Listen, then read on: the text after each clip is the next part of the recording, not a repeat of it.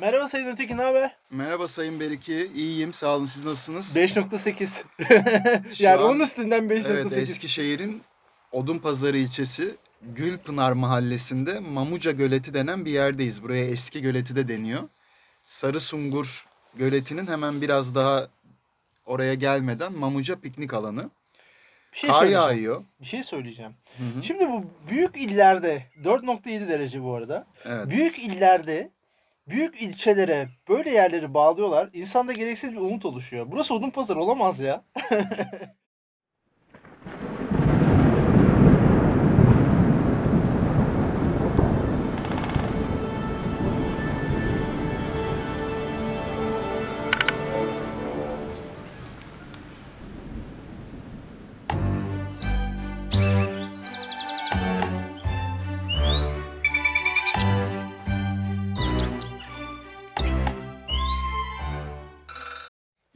Şu an 4 derecede program yapıyoruz. Tabii niye böyle bir motivasyona girdik? Aslında biz birkaç saat önce yola çıktık. Müthiş soğuk var. 3 derece oldu ve her dakika düşüyor. Ya tabii biz yola çıktığımızda böyle değildi. Burası da kar da yağmıyordu. Yani tabii havanın soğuk olduğunu biliyorduk ama artık bu programı yapmak zorunda hissettik. Çünkü çok vakit geçiyor ve yapalım dedik. Şimdi bugünkü konumuza ben şöyle girmek istiyorum. Buraya gelirken bazı yerlerden de geçtik. İşte Sarı Sungur Göleti'ne gittik. Eskişehir'de bu arada Kent Ormanı 2 diye bir yer varmış. Evet Oraya devam filmini çevirmişler. Biz Gerçekten beğenince. bu şu an geyik yapmıyoruz. Adı Kent Ormanı 2. Peki gerçekten kent ormanı mı? Yani kent miydi orası, orman mıydı? Onlar tartışılır ama bir araya gelince Kent Ormanı 2 olarak görünüyor. Genelde zaten devam filmlerinin puanı da biraz daha düşük olabiliyor biliyorsun. Doğru. Şunu sormak istiyorum ben. Bu kadar yere giderken arabada nasıl gittik? Sen bana arabaya binince dedin bir navigasyonu aç. Şehir içinde bir yerden bir yere giderken bile navigasyon kullanıyoruz. Evet. Yani şimdi teknolojinin zararlarından ve ayrıştığımız önemli noktadan e, gireceğiz ama Ya aslında konu teknolojinin zararı değil. Teknoloji konu otomatizasyon süreci. Yani bu şöyle bir ben açıklık getireyim hem dinleyicilerimize de Lütfen. girmeleri açısından. Bu otomatizasyon süreci şu anlama geliyor. Artık günümüzde o kadar çok imkan var ki yani internet imkanları, işte akıllı cihazlar, yapay zekalar beynimizin bazı fonksiyonlarını ve günlük işlevlerimizi bu cihazlara devrediyoruz adeta. Ve bu da e, son zamanlarda da bilim literatürüne de girmiş bir konu. Yani özellikle 2016 yılından beri yapılan bazı çalışmalar var ve 2016'da bu bir şekilde tanımlanmış. Literatüre bir isimle sokulmuş. O isimde şu, İngilizcesini söyleyeceğim önce. Kognitif offloading diyorlar. Türkçesiyle bilişsel dışa devretme ya da daha basitçe Google etkisi diyebiliriz. Yani özetle nedir? Şudur. Kendi hatırlayabileceğimiz bazı ileriye yönelik alacağımız planları bir şekilde dışa devretme. Dıştaki bir zekaya devretme. Yani bana şu şu gün şunu yapacağımı hatırlatsın. İşte yola gideceğim mesela o yolu ben aklımda tutmayayım. Yolun planını çizsin benim için. Ve bunun gibi daha bir sürü devrettiğimiz şey. Araştırırken de yapılabilen bir şey. yani şöyle Sayın Öteki program başlayalı henüz birkaç dakika oldu ama ben sizin içinizdeki ortaçağ kilise karanlığını hissetmeye başladım. yani ya her ne kadar böyle yeniliklere açık bir insan gibi görürseniz de aslında bazı antika diye tırnak içerisinde tabir edebileceğimiz alışkanlıklarınız ve e, fikirleriniz olduğunu görüyorum. Tabi buraya gelirken GPS kullandık ama e, GPS kullanırken bizi de aslında GPS yanlış yola e, sokmak üzereydi. E, senin de inanmadığın bir yoldan Kent Ormanı 2 isimli e, mesire yerine daldık. Evet. Bu yola girerken biraz içgüdüsel hareket ettim ben. E, GPS o sırada çalışmıyordu. Bu arada bir köpek geliyor. Kuyruk sallayarak geliyor. Teması kurmuyorum. Yok bu şey değil. Ama aç. Konsantrasyonunu şu sağdaki tatlı köpek bozuyor belki ama kuyruk sallayarak verdiğimiz ekmeği yiyor. Ya dışarıda podcast yapmamızın aslında amaçlarından biri de bu. Hem doğa sesleri hem bizim doğada daha özgürce davranabilmemiz. Evet en son bana orta çağ karanlığını temsil ettiğimi söylemiştin ama ben aslında teknolojiye karşıyım anlamında değil. Sadece günlük aktivitelerimizde her şeyi devretmenin bir süre sonra bizde zihinsel bir tembellik yaratacağını düşünüyorum. Ve bunu ispatlayabilecek de veriler getirdim. Çok güzel. Yani zihinsel tembellik mi yoksa zihinsel bir boşluk mu demeliyiz? Tembellik. Peki tembellik. Peki geri kalan yani şimdi ben şuradan başlayarak e, salvolarla e, hareketlenmeye başlıyorum. Lütfen, Programı da hareketlendireceğim. Lütfen. Şimdi özellikle sıkıştığım yerlerde e, et hominem'e başvuracağımı şimdiden söylemek isterim. Mutlaka çeşitli safsatalar yapılacak. O Çünkü sizin kadar hazırlıklı gelmedim. E, her cahilin yaptığı budur. Yani hazırlıklı olmayan her kişinin yaptığı, e, hazırlıklı olana karşı yaptığı saldırı budur. Safsatalarım hazır. Evet şimdi ben şunu söyleyeceğim. Beyinde bir iş gücü var değil mi? Bu iş gücünün bazı alanlarını gereksiz olarak kullanıyor olabiliriz. Yani buralara fazla zaman harcıyor olabiliriz. Bu alanlara da harcadığımız zamanı teknolojiye devredebilirsek geri kalan alanlarda daha etkili ve efektif çalışabiliriz. Gün içerisinde dağıttığımız belli görevler var. Kompleks dediğimiz karmaşık veya basit görevler. Bu basit görevler mesela neler diyelim? Örnek veriyorum. Bir yerden bir yere gitmek ve bunun için daha önceden hatıradan çağırmak zorunda kaldığımız lokasyonları hatırlamaya çalışmak. Bir de GPS kullanmak. Şimdi aslında sene 2021'deyken bazı görevlerin artık bizim için basit olduğunu, bazı görevlerin daha kompleks olduğunu kabul etmeye başlamamız lazım. Örnek veriyorum. Bence artık sene 2021'de ve sene şu dönemde bir şey söyleyebilir miyim? Ara girebilir miyim? evet. Sene 2022. Buna internetten baksaydınız keşke gelmeden. E, Bayağı aslında gidecek yer varmış. Siz oraya kopyala yapıştır yaparsanız geriye dönük. Evet se- peki tamam modern çağlar diyorum o zaman. Tamam. Müsaadenizle. Günümüzde. Günümüzde. Evet. Günümüzde aslında bu basit görevleri yavaş yavaş terk edebiliriz. Böylece kalan zamanla ki oradaki en önemli nokta zaman daha kompleks görevlere odaklanmak için kullanabiliriz. Şimdi Sayın Beylik şuna kesinlikle katılıyorum. Günümüzde artık o kadar üzerimizde bir iş yükü var ki kendi kendimize yarattığımız ya da günlük hayatın, modern toplumun bizim üzerine üzerimize yüklediği. Artık zamanımızı kullanırken bazı şeyleri tabii ki devrediyoruz akıllı e, cihazlara ve yapay zekaya. Hatta onu yaparken bile başka sekmeler açıyoruz. Yani bir yandan bir YouTube videosu Doğru. izlerken yanında bir şey okumaya çalışıyoruz. Bir yandan yemeğimizi yemeye çalışıyoruz. Zaman yönetimi kesinlikle bu açıdan çok önemli. Buna karşı değilim. Kesinlikle internet ve teknoloji kullanılmasına karşı değilim. Sadece benim çekincem burada bizi tembelleştirdiği ve kendine alıştırdığı yönünde. Peki bunu öncekinden farklı olarak nasıl ifade edeceksin diyorsun. Mesela GPS ile girmiştik konuya. Şöyle bir tavsiye verebilirim en azından. Ya da kendi hayatımda uygulamaya çalıştığım bir şey. GPS'i yani e, yol tarifini, navigasyonu mümkün olduğunca kapatalım. Tamam. Özellikle bildiğimiz yollarda eğer hani trafikle ilgili çok bir e, farklı bir beklentimiz yoksa kapatalım ve zihnimizden o yolu bulmaya çalışalım. Hatta evden işe, işten eve giderken farklı yollar deneyelim. Dikkat! Bu programda arka plan sesi vardır. Uzun süre maruz kalmak şehir hayatından kaçıp doğaya gitme isteğini tetikleyebilir.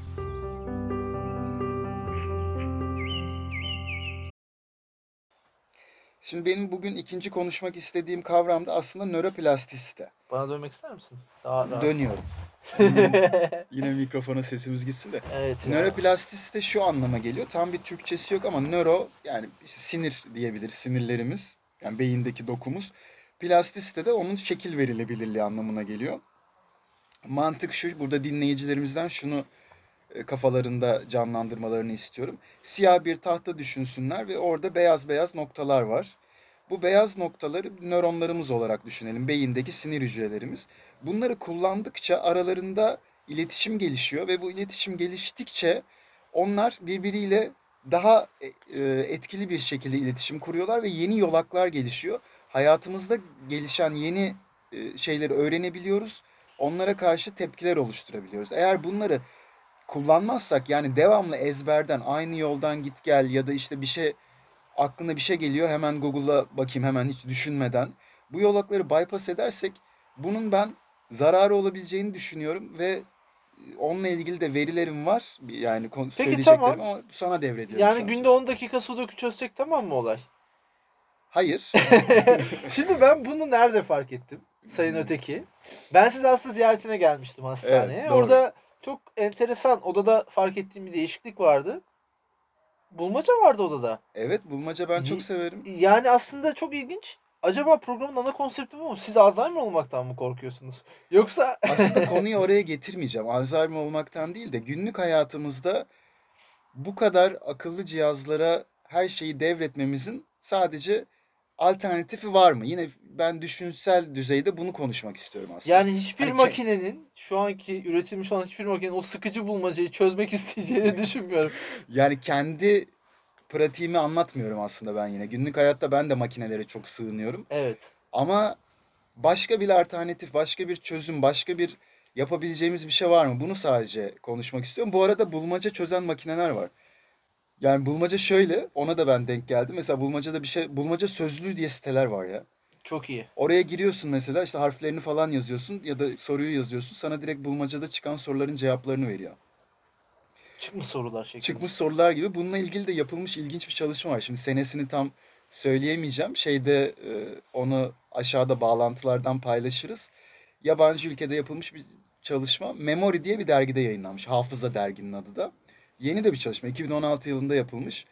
E, bazı grupları alıyorlar ve bu gruplara bazı problemler çözdürüyorlar. Problem çözümünde çeşitli seçenekler var. Bazı gruplar internete başvurabiliyor. Bazı grupları ise işte düşünerek çözün diyorlar. Ve şunu görüyorlar, internete başvuran yani Google üzerinden problemin çözümünü arayan kişiler buldukları çözümü sonrasında çok daha fazla unutuyorlar. Kendi düşünerek bulan kişilere ise aynı soru belli bir süre sonra yöneltildiğinde bunlar hatırlıyor. Bunu da şuna bağlıyorlar. Kolayca ulaştığın zaman bilgiye beyin ona alışıyor ve beyin bunu uzun dönem hafızasına almayı reddediyor. Ben Çünkü öyle düşünmüyorum. bu bir çalışma sonucu. yani bilimsel bir araştırma sonucu ama tabii ki öyle düşünmeme e, özgürlüğüne sahipsiniz. Modern bilime saygım var. Biliyorum. evet, Siz de Am- bir ben de bilim bilim bilim insanı insanı olarak- Ama keşke Google'ladıktan sonra o bilgiyi kaydedebileceği bir e, not alma application'ı da telefona yükleseydi. Doğru.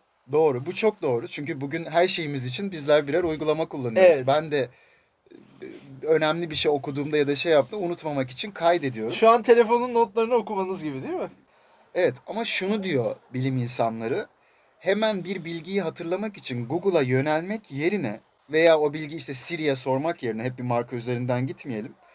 Aklınızdan o bilgiyi çağırmaya çalışmak beyninizdeki nöral yolakları aktive edecektir diyor. Hatta şu örneği veriyorlar. internetten önce bilgi aramak aslında zor bir şeydi.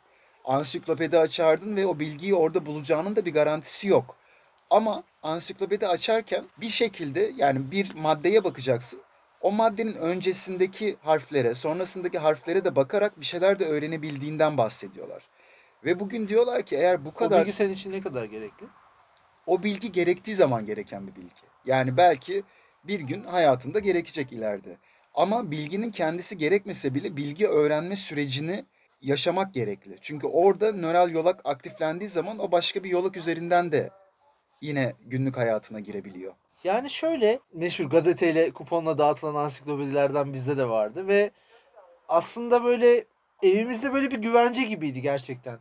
Yani o işte kalın dokusu, karton kapağı açtığın zaman o incecik yazılar ve birçok bilgi barındırması çok enteresandı. Otomatizasyonun en çok zorladığı kişiler bazen de bizim alfalarımız oluyor. Kesinlikle. Bununla ilgili de isterseniz bir alfa arası verelim mi? Verelim. Alfa arası başlıyor.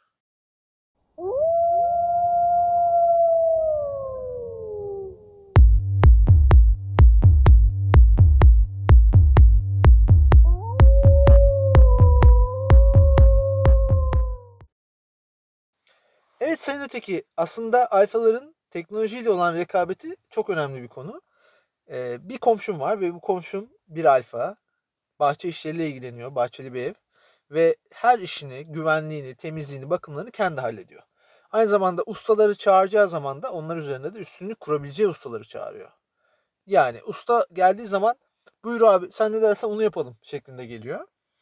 Bir gün tabii ki güvenlik kaygıları nedeniyle eşinin kaygılarını kabul edip eve akıllı sistem bağlatmayı kabul etti. Yani güvenlik sistemi ve akıllı ev sistemlerini bağlatmayı kabul etti alfamız. Teknolojik bir sınan, sınanacak. sınanacak. Keşke bunu kabul etmeseydi. Neden? Şimdi anlatacağım.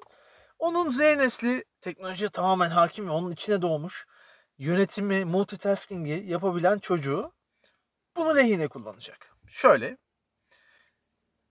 O firma geldi. Güvenlik firması, teknoloji firması ve eve evin mahremiyetini delerek birçok alanda keşif yaptı. O gün zaten alfamız çok rahatsız oldu. Hemen ertesi gün eşiyle kavga ettiğinin günü yani akşamında eşiyle kavga etti. Ve ertesi gün yine de eşi çocuğunu da bahane ederek o firmayı oraya getirtti. Ve firma kurulumu gerçekleştirdi. Kapıya kuvvetli bir güvenlik sistemi, belli kombinasyonlarla açılabilen şifreleme sistemi, camlar vesaire bunların hepsi donatıldı. Alfa'yı kendi evinde Alfa'nın kontrol edemeyeceği bir teknolojik alet üzerinden sınırlandırdı. Evet ve kontrol ana merkez. Sinyali. Kesinlikle. Evet. Sonra Ana merkezde. Sonra bizim tabii ki e, akıllı uygulama üzerinden yönetilebildiği için Z neslimiz, çocuğumuz geldi. Alfa'nın çocuğu geldi ve e, babasını eve kilitledi. Bir şaka amaçlı da olsa o evde onu kilitledi. vay. Ve uygun kombinasyonu girmesine müsaade etmeden tüm kapıları ve camları kilitledi. Alfa buna deli oldu tabii ki. Ve ben şunu söylemek istiyorum. Alfalar teknolojiye uyum sağlayamazlarsa bet olmaya mahkumdurlar. Ee, Sayın Belki gayet güzel bir tespit.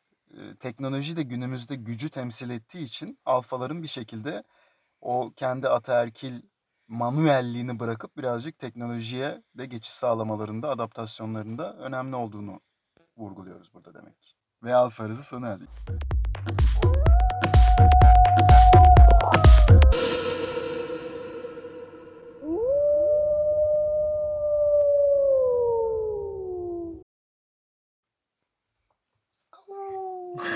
Koyacağız bir gün ya şu sesi. Eksi iki, İki buçuk. derece şu an. Yani program ilerledikçe kayıt yaptığım telefon sayıcıyla beraber derece de artmaya devam ediyor ama eksi yönde. Türkiye'deki son yüzyılın en önemli kar fırtınalarından bir tanesiyle karşı karşıya olduğumuz söyleniyor. Öyle diyorlar evet. Evet. Sen podcast'e dahil olacaksın herhalde. Şu an bir diğeri aldık. Kendisi tatlı bir köpek. Evet.